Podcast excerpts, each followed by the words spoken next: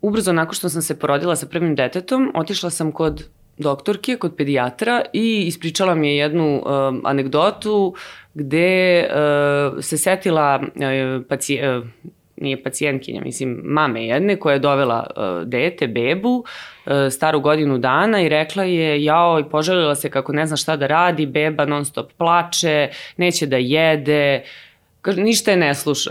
I, ovaj, I šta da radim doktorka? Doktorka je na to odgovorila, pa koliko ima beba? Ima godinu dana. A pa sad ništa, zakasnili ste. Meni je to bilo onako prilično smešno u tom trenutku. Mislim, kako može da se zakasni sa, sa vaspitavanjem i odgojem e, deteta koji ima jedva godinu dana, ali ovaj, kasnije kako su i moja deca rasla, e, vremenom sam ovaj, shvatila šta je, šta je da kažem, a da nama roditeljima e, i dalje nije jasno kada taj, e, kada vaspitanje u stvari e, kreće i kada dolazimo do neke granice gde ono nema, nema povratka na neki način, uh, gde napravimo određene greške koje se možda ne mogu popraviti ili se teško popravljaju, a, o tom ranom razvoju i, i prvim vaspitnim koracima mislim da e, će e, najbolje da nam ispriča naš današnji gost Tomislav Kuljiš. Dobar dan. Dobar dan. Osnivač integralne telesne psihoterapije i Centra prirodno roditeljstvo. Stigao nam je iz Zagreba i ovaj, možete i vi meni i našim gledalcima, gledateljkama i ljudima koji nas slušaju da objasnite šta je to u stvari rani razvoj, kad mi kad mi da krenemo da vaspitavamo našu decu? Kad je, naj, kad je pravo vrijeme, Jel postoji uopšte pravo vrijeme Što vama znači vaspitanje? Da nas slušaju. Evo, već smo... mi, mi samo želimo da oni već Smo zapeli, već smo zapeli, već imamo problem. Dakle, krećemo u biti od vrlo pogrešne postavke, isključivo s pozicije roditelja, majke, gdje u stvari bismo htjeli da dijete bude nekako kako mi želimo, onda to nazivamo vaspitanje odgoj i u stvari, što kažem, fulali smo ceo futbol, već u startu. U principu, Ehm, ono što su danas novosti, ne danas, već zadnji od, od 90-ih se te ideje probijaju. UNICEF je pokušao ukazati svijetu da su prve tri najvažnije, pa i dalje fali ta to razumijevanje u stvari o čemu se tu radi i zašto su najvažnije. I evo, na prvoj riječi smo zapeli odmah jer ako inzistiramo na nekakvom vaspitanju, odgajanju djeteta, ja to zovem nastojanju da e, modificiramo ponašanje djeteta da bude onako kako se nama sviđa i nama odgovara i ako to uspijemo kažemo da smo dobro vaspitali ili odgojili dijete, a ako ne uspijemo onda, onda je drlje i kamenje od svih okoline prema nama i to je jedan veliki pritisak na roditelje, a u stvari e, fulali smo cijelu bit. Naime, ako govorimo i ova priča sa, zakastali ste već nakon prve godine i to je priča od nekih sličnih varijanti zen mudraca i slično, ali e, ima jako, jako veze jer u stvari kažemo prve tri su najvažnije, ali prva, prva je definitivno najvažnija i ako tu neke stvari nismo neću reći napravili, neko, ako se nisu desile onakve kakve su trebale biti, e, dalje će nam biti sve i druga i treća i peta i 55 će biti teže ovoga i, i nama s djetetom i kasnije djetetu u životu. I to je sad jedna tema koju mi sigurno nećemo u ovih 50 minuta objasniti, ali zato i postoji kod nas program roditeljstva 0 do 6 koji već 15 godina radi. Volim reći da to je preko 10.000 zadovoljne djece čiji su roditelji prošli kroz to da u stvari otvore si oči šta to dijete treba i o čemu se tu radi. I onda dolazi ono, baš do promjene paradigme. Fakat moramo nekako zaokrenuti cijelu priču, da shvatimo uh, šta tu stvari se treba dogoditi. A ključna stvar je stvari razvoj.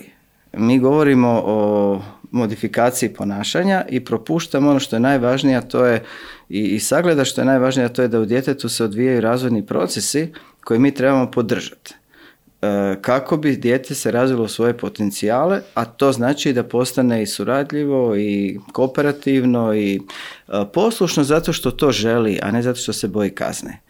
A mi u stvari u odgoju još uvijek imamo onu zastarjelu metodu kombinacije nagrade, kazne, pohvale i kritike koja je dominantna, koja je još uvijek službena, ehm, koja u biti radi u nekoj mjeri, ali ono što jedan ehm, poznati stručnjak dr. Njufel kaže, razlog zašto radi i upravo razlog zašto te stvari ne bi smjeli koristiti.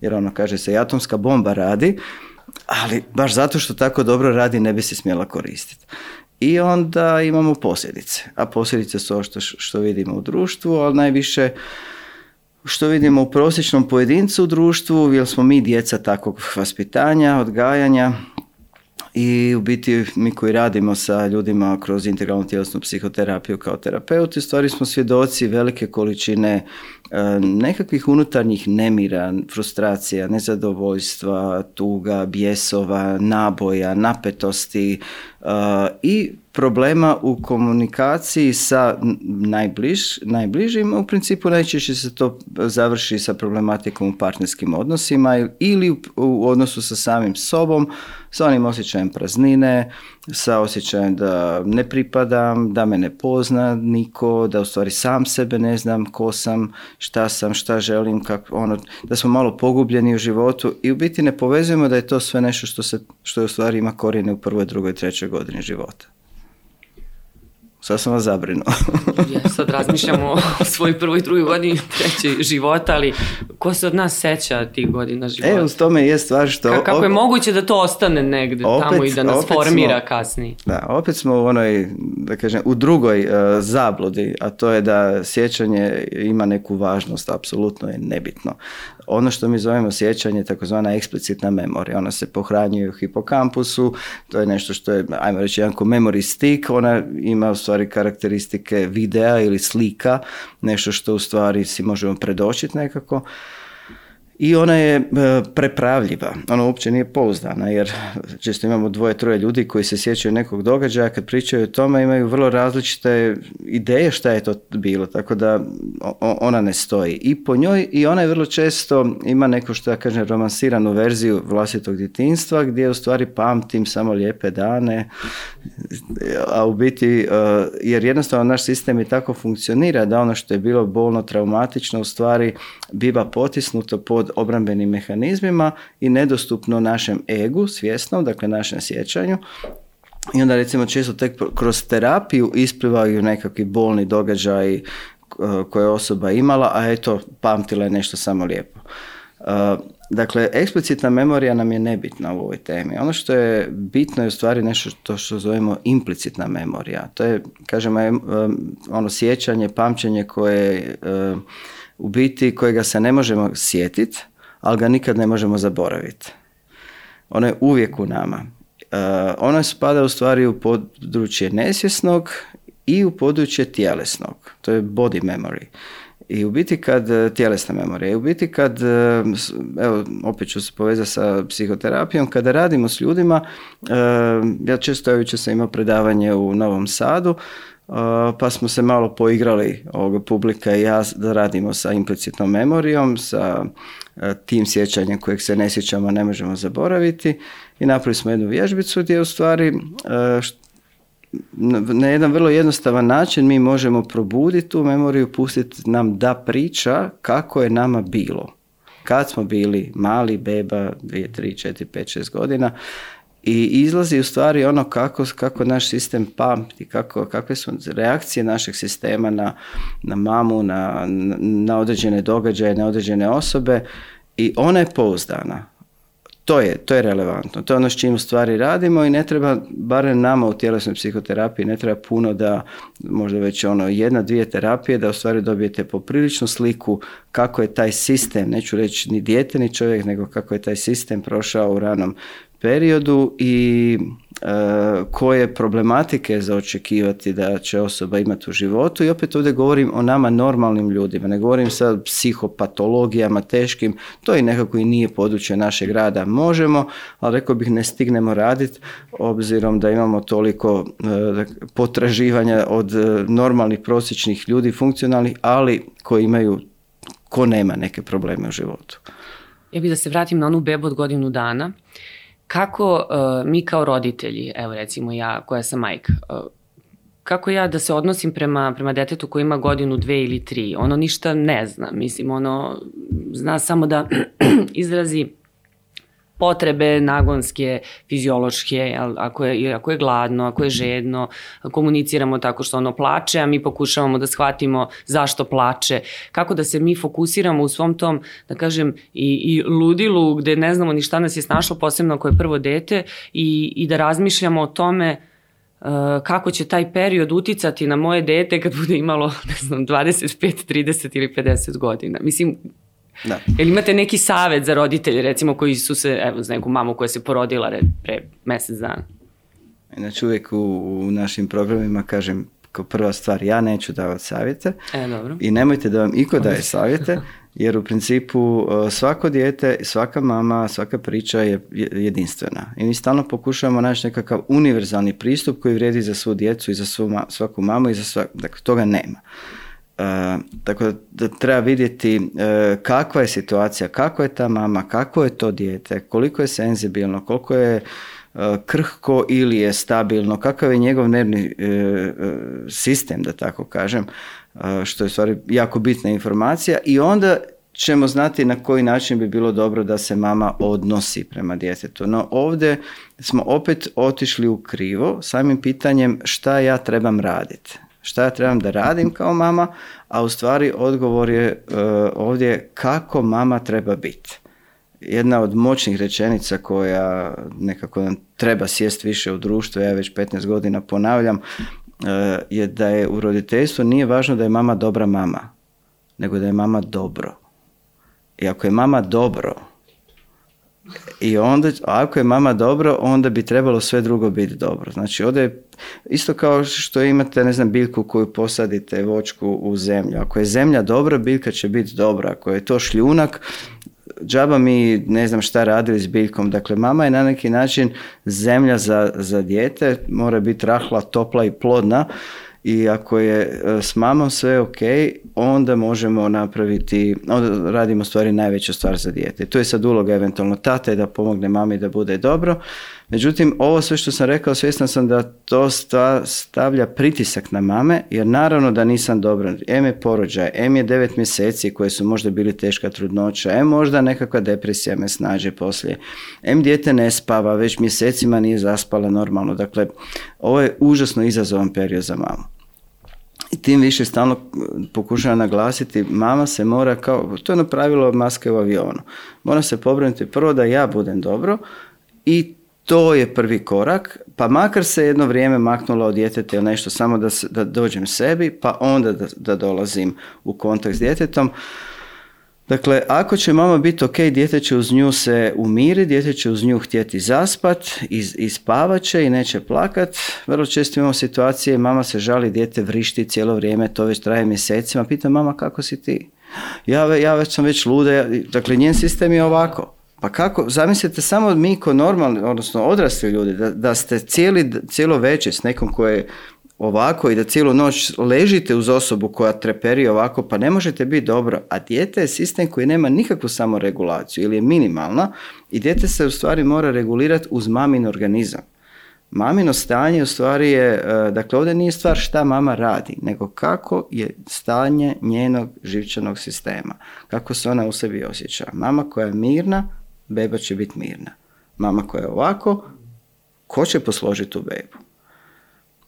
Mislim, ovo je veća, tema, ali vidite da stalno e, u biti idemo u nekako nova područja koja nije lako objasniti u nešto minuta i sati. To zahtjeva vremena, ono, barem dva mjeseca, znam već kroz godine u radu s ljudima, da stvarno ono, prolazi jedno predavanje, drugo radionica, to je set i radionica i predavanja i onda samo ono, polako im se otvaraju oči i dok dođemo do kraja bude aha, wow, ovo je sve skroz drugačije od onoga s čim sam krenuo u početku. Ovo su nam postavke, su nam pitanja, su nam kriva.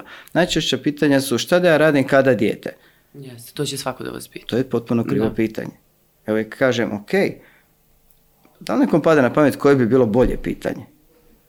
Vama nas primjer. Mene zanima eh, šta je prirodno roditeljstvo? Šta to znači? Neću vas pustiti iz ovoga.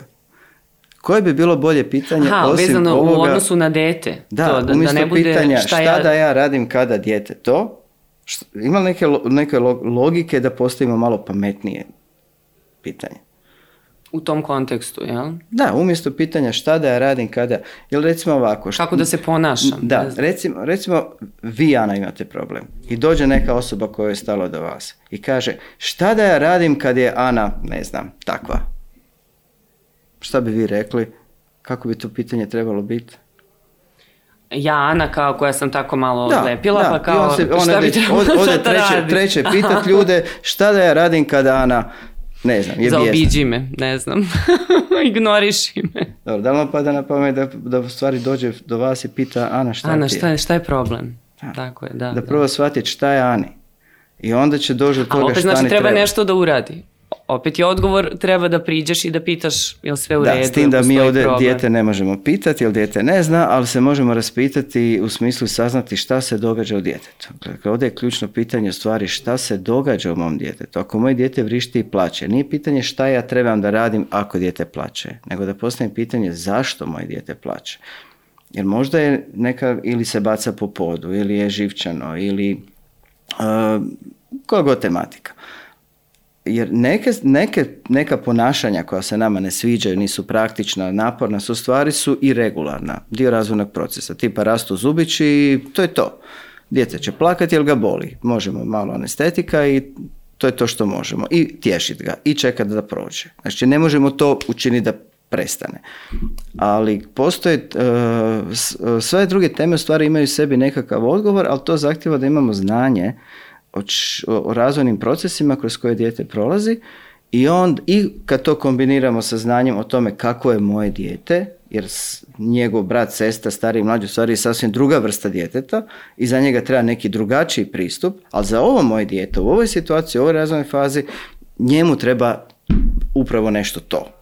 E, to je onda pitanje e, pravo, ali to zahtjeva da se malo informiramo, da malo E, proučimo, da prođemo neku edukaciju, da, da nešto, ako ništa da shvatimo čemu se radi. I onda, zato sam rekao na početku, ja ne dajem roditeljima savjete, nego im želim da, da im približim e, njihovo dijete i da shvate o čemu se radi, a onda kad sad znaš situaciju, sad ja tebe mama pitam šta da radiš sada? Šta bi sada učinila sad kad znaš? I onda bude naravno, pa da, mislim ako je dijete na na na, ako je na na na, pa naravno stvar da ću napraviti to i to. I onda je sve, ovako kad odemo i dobijemo savjet, taj savjet uopće ne mora imati veze s mojim djetetom, najčešće se fula dijete u, u, osnovi. Ali uglavnom individualno, ono što ste pomenuli, nema tih univerzalnih pravila koja ehm, mogu biti primjenjiva na svako dijete. Da, u, postoji u nekakva, periodu. ajmo reći, univerzalna pravila u smislu da dijete treba namiriti po primarnim potrebama, po razvojnim fazama i tako. To je nešto što je univerzalno, a šta to konkretno znači, e, to je nešto što moramo vidjeti baš sa to moje dijete, baš u ovoj fazi. Možda za godinu dana ista ta faza, odnosno isto to ponašanje, neće biti ova reakcija ili odnos, nego će trebati nekakva druga reakcija i odnos e, ljudi e, uvijek želi nekako naglasiti, e, Djetet je jako složen sistem. Mi, mi u stvari ni kompjuter ne razumijemo kako radi. A imamo e, potrebu simplificirati nekako tu priču s djetetom i dati ono deset zlatnih savjeta koji će riješiti sve moje probleme. Ma toga nema. Koliko god bi mi to htjeli, quick fix ili nešto brzo, to jednostavno ne postoji. Ali nije, nije, nije umjetnost, nije, nije teško doći do toga shvatiti, to prolazim godinama u radu s roditeljima, gdje se ljudima stvarno otvore oči kad saznaju no, neke novije spoznaje koje više nisu toliko nove, već je to 20-30 godina, ali mi kao društvo stravično kaskamo za tim. Dobro, kažu da ne postoji pravilo o, o dobrom roditeljstvu. Mislim, ne može da se kupi knjiga i da se nauči o kako biti dobar roditelj i sad nabubam za ispit i znam kako da budem dobar roditelj. Ne postoji to. A. Ali, evo, kad ste pitali za nekakav savjet, neću dati savjet, ali bih htio nekako rehabilitirati mame, roditelje. Sam sam, e, kažem, roditelj e, i fulao sam jako puno toga. E, I uvijek e, naglašavam da nam bude jasnije, sigurno ćemo zeznut, sigurno ćemo povrijediti dijete, sigurno ćemo napraviti i propustiti napraviti stvari koje su bitne. I to je legalno, da kažem, to je normalno, to je obavezno. I moramo se negdje E, napraviti nekako olakšanje tog pritiska koje sada roditelji imaju kroz te nove spoznaje, pa eto ja nešto pričam i onda ti joj šta sada radim, pa da, kako da ne pogriješim sve. Ma pogriješit ćemo sigurno. Dakle, mi ne možemo biti do, savršeni roditelji iz prostog razloga jer mi nismo imali savršeno roditeljstvo. I radit ćemo greške ili češća varijanta nećemo imati kapacitet jer često majke dođu i kažu ja sad sve, sve znam, sve mi jasno, skužila sam. Moje dijete treba to, to i to, ja mu to želim dati, ali ja to ne mogu.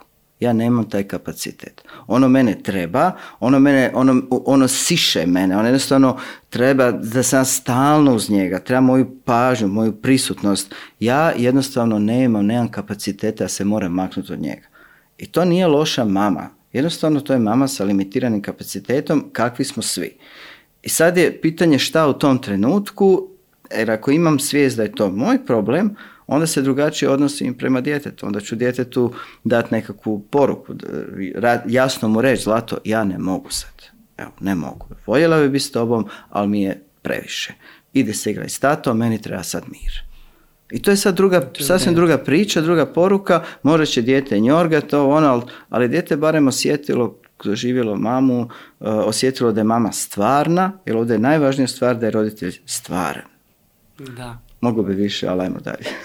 ne, ali ovdje baš slušam, slušam vas i pronalazim se negdje gdje oni imaju tu ideju povremeno nama, posebno mamama, da smo neki roboti, mašine koje sve završavaju, koje su uvek tu, koje će uvek imati odgovor na svako pitanje Znači, apsolutno naša potreba i za snom, i za odmorom, i za, ono, sednem da popijem kafu 15 minuta, a mama, mama, mama. Znači, nema, uvijek uvek, uvek dostupne i, i ovaj, Dijete ima program, program u stvari u sebi, svako dijete ima taj program, kao uh, ko što postoji program prirodnog roditeljstva, zato se i centar zove prirodno roditeljstvo, jer uh, mačku ne treba učiti uh, kako da bude majka ona ima prirodno roditeljstvo sebe. Mi isto kao ljudska vrsta ga imamo, ali nam je pokvaren program i u biti s jedne strane pokvaren eh, ili nismo u kontaktu s njim, ili smo se eh, odrodili od njega i stvari kako smo jako intelektualna bića, u biti pokušavamo sve shvatiti i sve pročitati i sve intelektualno objasniti, a ovdje je stvar intuicije.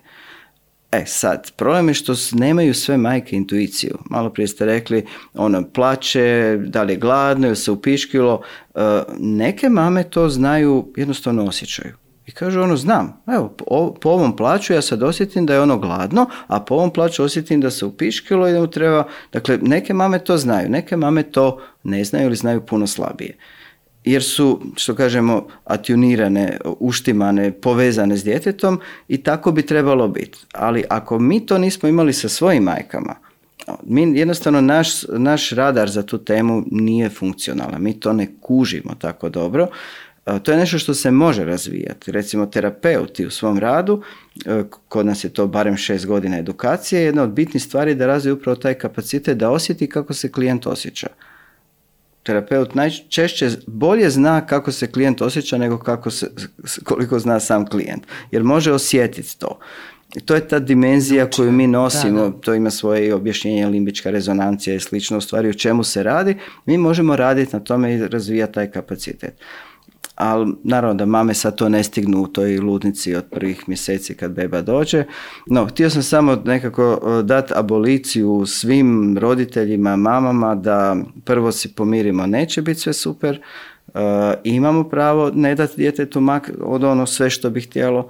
E, ideja je good enough, dovoljno dobra mama i to je to što je Vinikot rekao što u stvari negdje djetetu treba a za sve ono što neće biti dobro i, i gdje ćemo biti svjedoci da smo fulali i da smo povrijedili dijete, bitno je samo da kroz vrijeme mi nekako preuzmemo odgovornost za to i da dijete ne krivimo zbog njegovih nemanja kapaciteta za što šta, koji su zbog tog što mi nešto nismo, da dijete ne krivimo zbog toga, nego da mu pomognemo da kroz život prolazi, eh, znajući da u stvari je do nas, a ne do njega.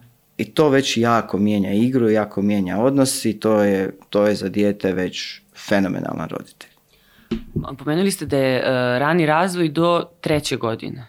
Da, u biti... Uh, pa dobro, to, je neki sad. ajde prosek, ali ako smo mi grešili do recimo detetove treće godine ili je dete do svoje treće godine proživljavalo izvesne traume iz ovih ili onih razloga.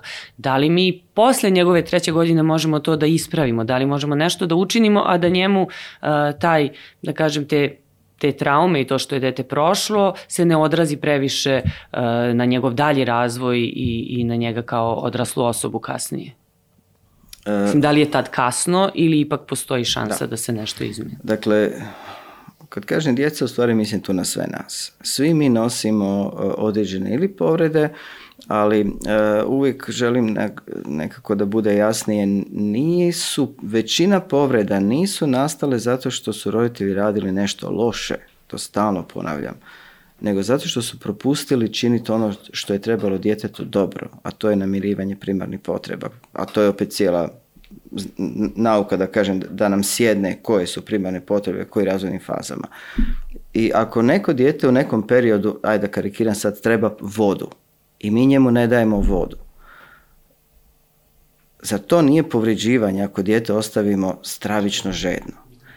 U ovoj varijanti e, ta žeć za nekom vrstom odnosa, za viđenošću, na primjer, za doživljenošću, za kontaktom, za regulacijom, za stapanjem, e, dakle neke od primarnih potreba po razvojnim fazama, ono što dijete u tom periodu ne dobije e, ostaje žedno toga i gladno cijeli život. U tom periodu je u stvari njegov sistem bio receptivan, otvoren da to dobije jer se radi o takozvanom senzitivnom periodu kada sistem u 3, 4, 5 mjeseci može dobiti tu količinu vode i da je cijeli život se namirilo i da mu to više ne treba. Ako tad to mu ne damo, ono će i dalje osjećati tu žeć potrebu, ali će kapacitet za primanje se smanjiti. Ja to kažem kao da je prije toga moglo piti normalno iz čaše, a sad smo mu dali jako tanku slamku koja svake godine postaje sve tanja i tanja i ona sve manje može uvući čak i kad mu dajemo. I onda će trebati jednostavno više vremena i bit će teže i napornije roditelju, majci da mu to da. I ako ona neće stići, dijete će to tražiti od partnera, od cura, dečki u, u životu, e, od društva, od svijeta a na kraju e, sretnici, da kažem, krenu s nekakvim radom na sebi i onda kroz terapiju mogu dovršiti taj razvojni proces i dobiti, ali će trebati par godina da se završi nešto što se moglo desiti u par mjeseci kad je bilo pravo vrijeme za to. Dakle, taj neki rad na sebi, osobni ili lični razvoj je u biti, bar u našem slučaju, e, doslovno nastavak i završetak e, nedovršenog ranog razvoja. A, a pominjete više puta kako roditelji e, nisu napravili grešku ili ne prave greške nego nešto nisu radili možda što je trebalo nisu da bude. Nisu imali kapacitet. Ili nisu imali kapacitet. Ili ovamo rekli ste eto mama treba da bude dobro da bi dete bilo dobro. A često mi razmišljamo eto o deci, ne razmišljamo o sebi ili ne sagledavamo sebe. Ali opet, da li postoje neke greške koje mi danas pravimo? A da bi možda mogli da ih izbegnemo. U odnosu prema deci, ajde da, da. tako e, Mi smo e, generacija, odnosno evo, mame koje roditelji koje ovo slušaju, u stvari se već interesiraju, već je zanimanje, već je ne uzimam zdravo za gotovo, već nešto želim saznat više. Dakle, to, to je u stvari jedna nova pojava. E, to nije baš bilo tako puno prije, masovno, sad je to sve masovnije, dakle dolazi generacija roditelja budućnosti, da tako kažem. I e, neki dan je bila i ova konferencija za roditelje, roditeljstvo budućnosti. Bio sam svoje vremeno i roditeljstvo nova, novog doba u Beogradu koje je organizirano. Dakle, počinju se javljati e, inicijative u društvu da se u stvari nešto promijeni. I da, zaista stasavaju generacije novih roditelja koji žele promjenu. Ali ti roditelji su u stvari E, djeca starog odgoja i njihovi sistemi nesvjesni poznaju u biti jedino metode koje su stvari iskusili na sebi i koje po inerciji bez razmišljanja primjenjuju, dakle žele nešto drugo svoje djeci, što je drugačije od onog što su naši roditelji željeli nama, jer prije bilo glavno da je poslušno, dobar džak i na na na. I ovdje mi sad imamo generaciju roditelja koji prvo kažu želim da mi dijete bude sretno, da ima sebe, da je e, integrirana nekako ličnost, da ima neku e, integritet, dakle neke sasvim nove da zna ko je, da, da ima sebe u smislu e, da zna šta želi i tako. Dakle, to su nekakve nove ideje koje prije nisu postojale, ali mi i dalje imamo stari arsenal odgojnih metoda kojima pokušavamo dobiti novu djecu. I to ne radi. Dakle, nove generacije roditelja trebaju nove ideje, nove inspiracije šta njihova djeca trebaju da bi roditelji ispunili svoj cilj, a to je da djeca budu, kao što sam rekao malo prije, uh, e, i to je nešto što se dobiva kroz da li knjige, da li eh, nekakve edukacije, kurseve, međutim eh, na kraju opet se roditelji nađu u onoj temi da ok, sad znam šta trebam i znam da ja to ne mogu jer ja nemam kapacitet za to. Što rekoh malo prije, moje dijete mene treba da budem prisutna, da sam s njim, da sam mirna, da ne vičem na njega, da njega mogu smiriti i umiriti, a sebe ne mogu smiriti. Dakle, onda se otvara prostor da počnemo raditi na sebi i u biti mi smo danas škola integralne tjelesne psihoterapije, ali ko, se sjeća, nekad smo kretali prije 15 godina sa Centrom prirodno roditeljstvo, e, gdje mi je intencija bila da roditelji saznaju to. Ali ono što se događalo kad su roditelji saznali, su rekli onako lijepo u šali, ti si nas zeznuo, mi smo sad shvatili kako stvari stoje, i shvatili smo da nije problem u djetetu. Djeca su takva kakva jesu, što je istina, što je činjenica. Nego mi imamo problem. I sad u stvari moramo krenuti s nečim na sebi. I onda sam doslovno morao i želio na kraju razviti, napraviti program e, osobnog razvoja ili ličnog razvoja, rada na sebi. U Beogradu je već šest, sedma generacija u stvari sad počinje. E, Četvorogodišnji duboki, konkretan rad na sebi koji u biti je imao za cilj da se u stvari roditelji poslože u sebi i to fakat je jako moćan način rada i daje rezultate i s tim da moramo biti svjesni nekome treba manje, nekom treba jako puno vremena, zavisi s kojih startnih pozicija krećemo, ali rezultati su evidentni.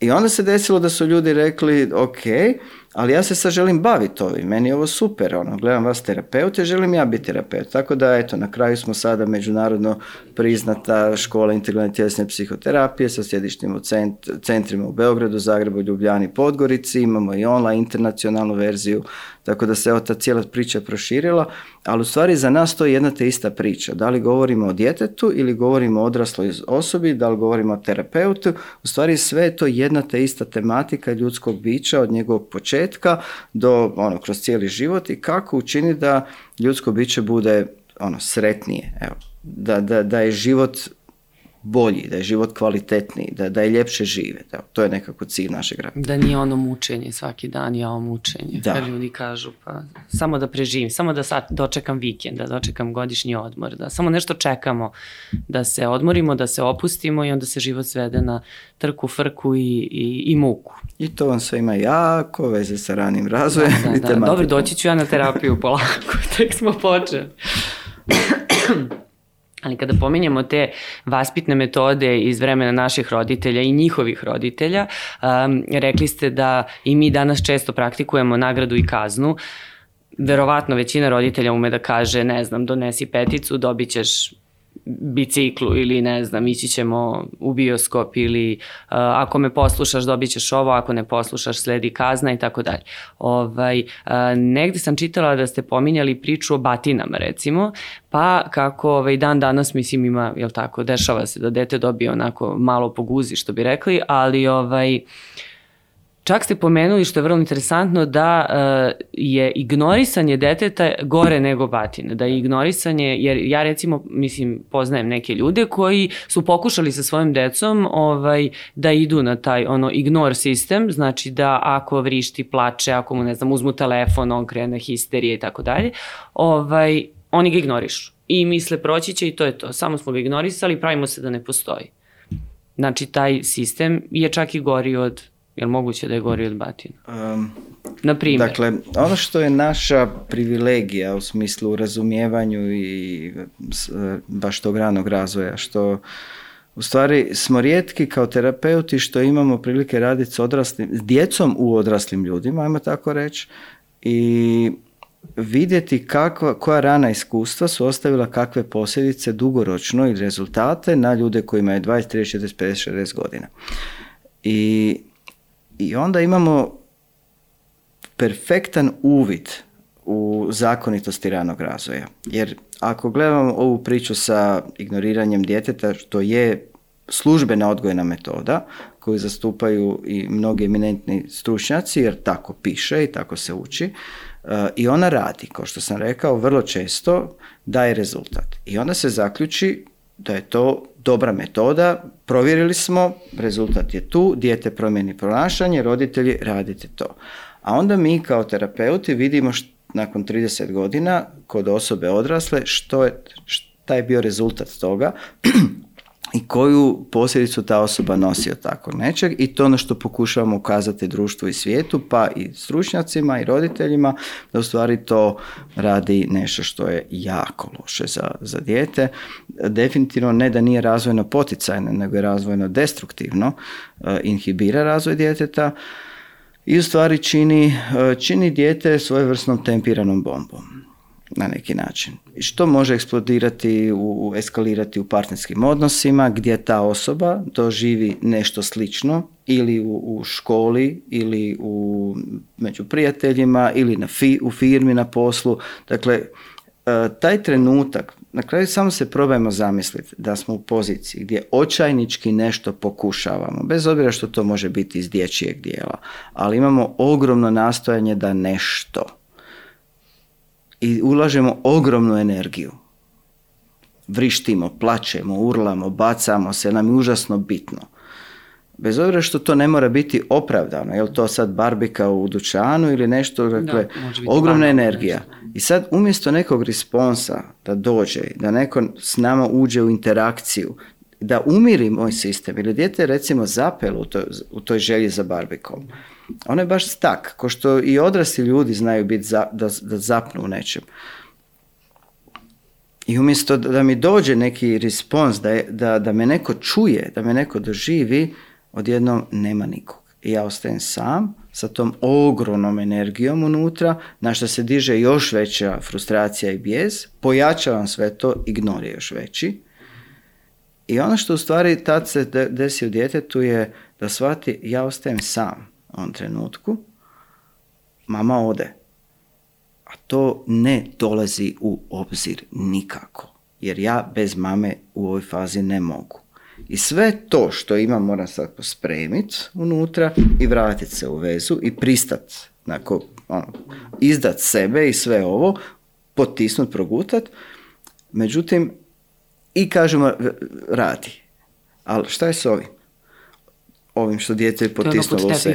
Da, I to onda 30 godina kasnije se doživi da, ne znam, ga ona u braku ignorira ili on nju i osoba poludi, eksplodira i onda otkud meni ovo. Ali ne samo taj, taj bijes, to što govorim, ta tempirana bomba unutra, nego općenito nekakav osjećaj ehm, da nema nikog tu. Da kad mi je teško da, da oni odu u stvari moram potisnuti sebe i svoje potrebe i želje. Dakle, to je cijeli jedan program se posloži u djetetu koji u biti čini da je osobi kasnije u životu teže, evo da skratim. A da i samo ne zna odakle mu to što ste I najčešće ne znamo. I onda, recimo, niko neće doći na terapiju i reći ja sam bio dijete kojeg su ignorirali, pa ja sad ne, nego krenemo s radom i kad u stvari dođemo zašto si, ne znam, poludio na ženu, iskočio na nju, izgrabio je za vrat i sve, a nisam takav čovjek, pa ne bi to nikad, ono, ali jednostavno nešto iz mene izletilo i onda kad pođemo vrtiti u stvari, da, sami dolaze slike, ja se bacam po pod, sad karikiram malo samo da bude deskriptivno, da, ovoga i, i, on, i, on, i, on, i još često i oni mi se smiju. Sjećam se jednog klijenta, e, kaže najgore mi je bilo što tata me gleda i smije mi se. A ja u muci jer ne mogu, ne mogu prekinuti to u sebi, jer ja sebe ne mogu miriti. Meni je teško u meni samom. Meni trebaš ti da mi pomogneš da ja izađem iz ovog. Ja sam zape u ovom. Ja sam unutra. Vi vidite ono izvana moje ponašanje, ali ja sam tata unutra. A tata se podsmijehuje i gleda me onako s prezirom. Kaže, nakon toga, kaže, mi smo završili. Kaže, poslije toga jednostavno ja sam njega prekrižio u svom životu. Dakle, samo da, da smo svjesni tih posljedica, rezultata, koliko jedan trenutak tata se taj toga ni ne sjeća. On se pita cijeli život zašto moje dijete mene ne voli, zašto otišao na fakultet i nije mi se pet godina javio i a u biti osoba kad, da, mi smo tad završili. Ono, kad sam, tri godine kad sam vidio tu njegovu facu, meni to bilo to. Da, to su za nas možda neke sitnice, neke prolazne stvari, ovo što kažete, mislim i ne setimo se ako smo na moment odreagovali da. tako, možda ono mehanički ili prosto nismo razmišljali, a na dete je ostavilo Ostavi duboki trag i, i opet kad kažemo na dijete, onda se to nekako strpamo u par godina pa kao nema veze. A, u stvari je to, to je ono, kroz cijeli život ostaje tema. Dakle, ne kroz dijete, nego u čovjeka tog budućeg. Ove, ovaj, sad, e, kad pričamo o ovim tempiranim bombama, ne mogu da ne pomenem ovaj slučaj koji je nama i dalje svima u, glavama, a pomenuli ste da ste bili na neki način možda i uključeni, možda su vas zvali za eto, neku konsultaciju kolege odavde, ne znam konkretno ovaj, e, na koji način ste možda sarađivali, ali reći o, o, školi Vladislav Rivnikar i znate šta se Znam, sve tamo dogodilo. Pa sad, da, prosto ovaj, u tom kontekstu Eto, kako vi vidite taj slučaj ili kad ste čuli za to, da li ovaj, već imate možda neku ideju kako dođe do takve eksplozije ovaj, kod deteta i kako je to mi sa našom decom smo svi pokušavali da razgovaramo i razgovarali o tome i nekako ono, smirivali ih i hteli da, da to ili sklonimo ili da prosto kažemo jeste, desilo se, ne znam zašto, mislim niko od nas ne može da, da nađe pravi odgovor. Dakle, da, ovaj period je bilo puno pitanja i, i prema meni na tu tematiku. Ja se uvijek ipak želim izraziti kao terapeut, meni jednostavno nije etički ok da govorim o tome, jer se tu radi o stvarnim ljudima, o strašnoj tragediji. E, ono što bih možda ukazao e, je da mi imamo onu rečenicu da od šume ne vidimo drveće ali ovdje imamo sad situaciju da zbog jednog ili dva tragično velika drveta smo prestali vidjeti šumu. A šuma je tu oko nas cijelo vrijeme. Samo su sad dva strašna drveta se pojavila i sad je fokus na njima i onda se pitamo zašto ta dva drveta. A u stvari e, krivo je pitanje. E, ovo je tema koja je puno šira, puno veća, stvari se događaju samo e, svakodnevno je često, ne, ne samo kod nas, nego po cijelom svijetu. E, najviše slušamo iz Amerike o tome gdje e, imamo element koji se ne može zanemariti, a to je dostupnost oružja. To je, to je stvar koja je ono ključna u tome, jer da nije bilo toga bi bilo bi, nešto manje dramatično, ali ono što je glavno pitanje koje svi postavljaju i zašto dolazi do toga. E,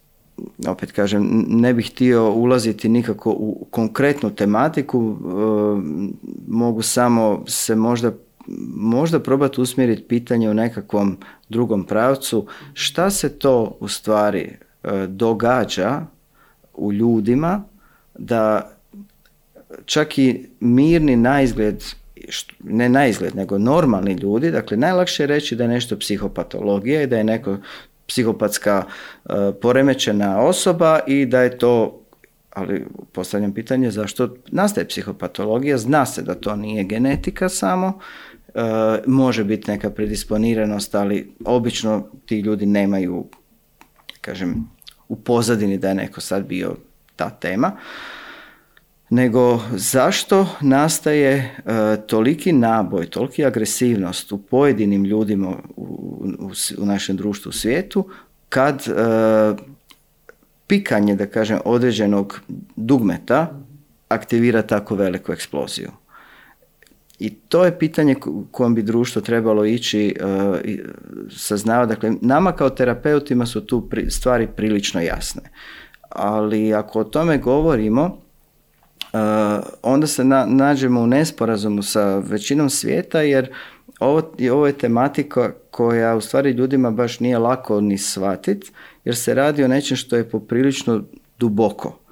A mi i ne znamo iz našeg dnevnog operiranja, percipiranja, doživljavanja da u stvari postoji i nesvjesno, da postoje potisnute stvari, da postoje potisnute emocije, traume, bolovi, sve. Jer Evo, dok ne krenemo s neki rad na sebi, ne znamo da to postoji. I sad pričati o tome, bez toga da imamo priliku da ljudi osjete na sebi o čemu to govorimo, u stvari je, ono, možda je, možda nije za, za ljude. Tako da je ovo dosta delikatna tema.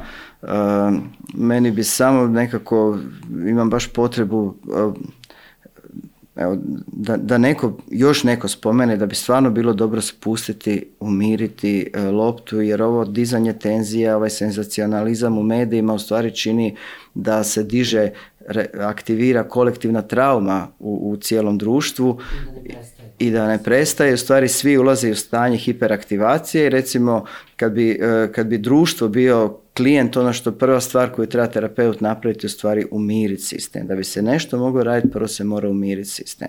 A mi imamo sad jedan sistem koji je e, miliona ljudi koji su trepere, koji su aktivirani i mediji samo to nekako pod, pod krepljuju, podhranjuju i to je nešto što bi trebalo zaista zaustaviti, što ne znači zaustaviti e, rad na tome kako da se neću reći da dobije prevencija, ali to je dugi, dugački proces, ali da se nešto počne na tu temu kvalitetno raditi. Bližimo se kraju, nažalost. Ovaj, e, ima dosta ljudi koji kažu e, učio sam na greškama mame i tate, ja to neću ponoviti sa svojom decom. A opet ovaj, vrlo često ponovimo neke greške i naši roditelji su ponavljali greške njihovih roditelji. Imam utisak da se to tako iz generacije na generaciju nastavlja. Kako da mi zaustavimo recimo našu decu da ponavljaju ovo što smo mi radili ili kako da sami sebe ovaj, umirimo i kažemo ok, ja ovo neću, ali da stvarno tako bude.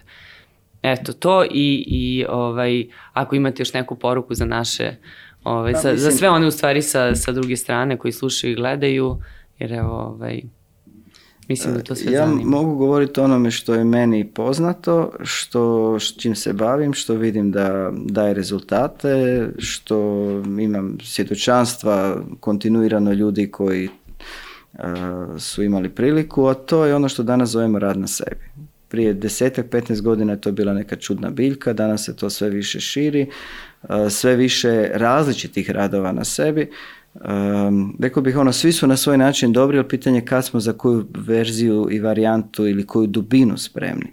Ali to je nešto što će, vjerujem, vremenom postati normalno koji tuširanje i pranje zuba. Danas je to čudno, pa sjetimo se da nije tako daleko bilo kad je bilo jako čudno prati zube i se.